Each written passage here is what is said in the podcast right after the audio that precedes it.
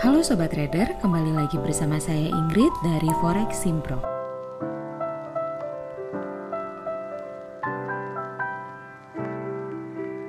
Hari ini kita akan membahas mengenai interest rate statements.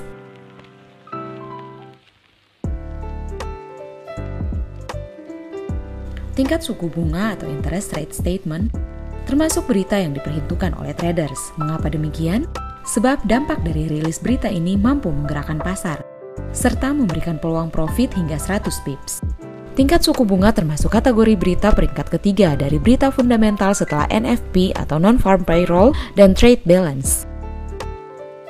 Tingkat suku bunga itu sendiri mencerminkan kesehatan suatu negara, khususnya perekonomian suatu negara dan dirilis setiap bulan oleh bank sentral negara tersebut yang berisi mengenai kebijakan suku bunga seperti menaikkan suku bunga saat ekonomi tumbuh dan karenanya mendorong inflasi dan suku bunga tetap stabil dan tidak mengalami perubahan. Oleh sebab itu, pada saat dirilisnya berita ini, jika aktual lebih besar dari forecast dan forecast lebih besar daripada previous, maka mata uang akan menguat lebih jauh karena hasil lebih baik dari ekspektasi.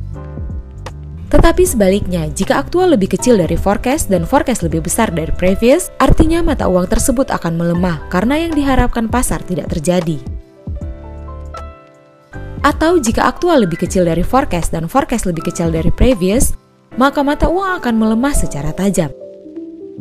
Di sinilah para traders dapat menganalisa apakah mereka tetap masuk market untuk membeli mata uang dolar atau sebaliknya melepasnya atau menjual dolar.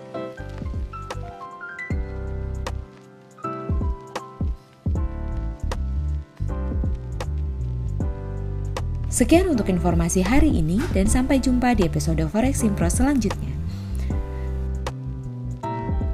Forex Simpro memberikan edukasi dan informasi forex untuk Anda, trade by yourself and safe trading.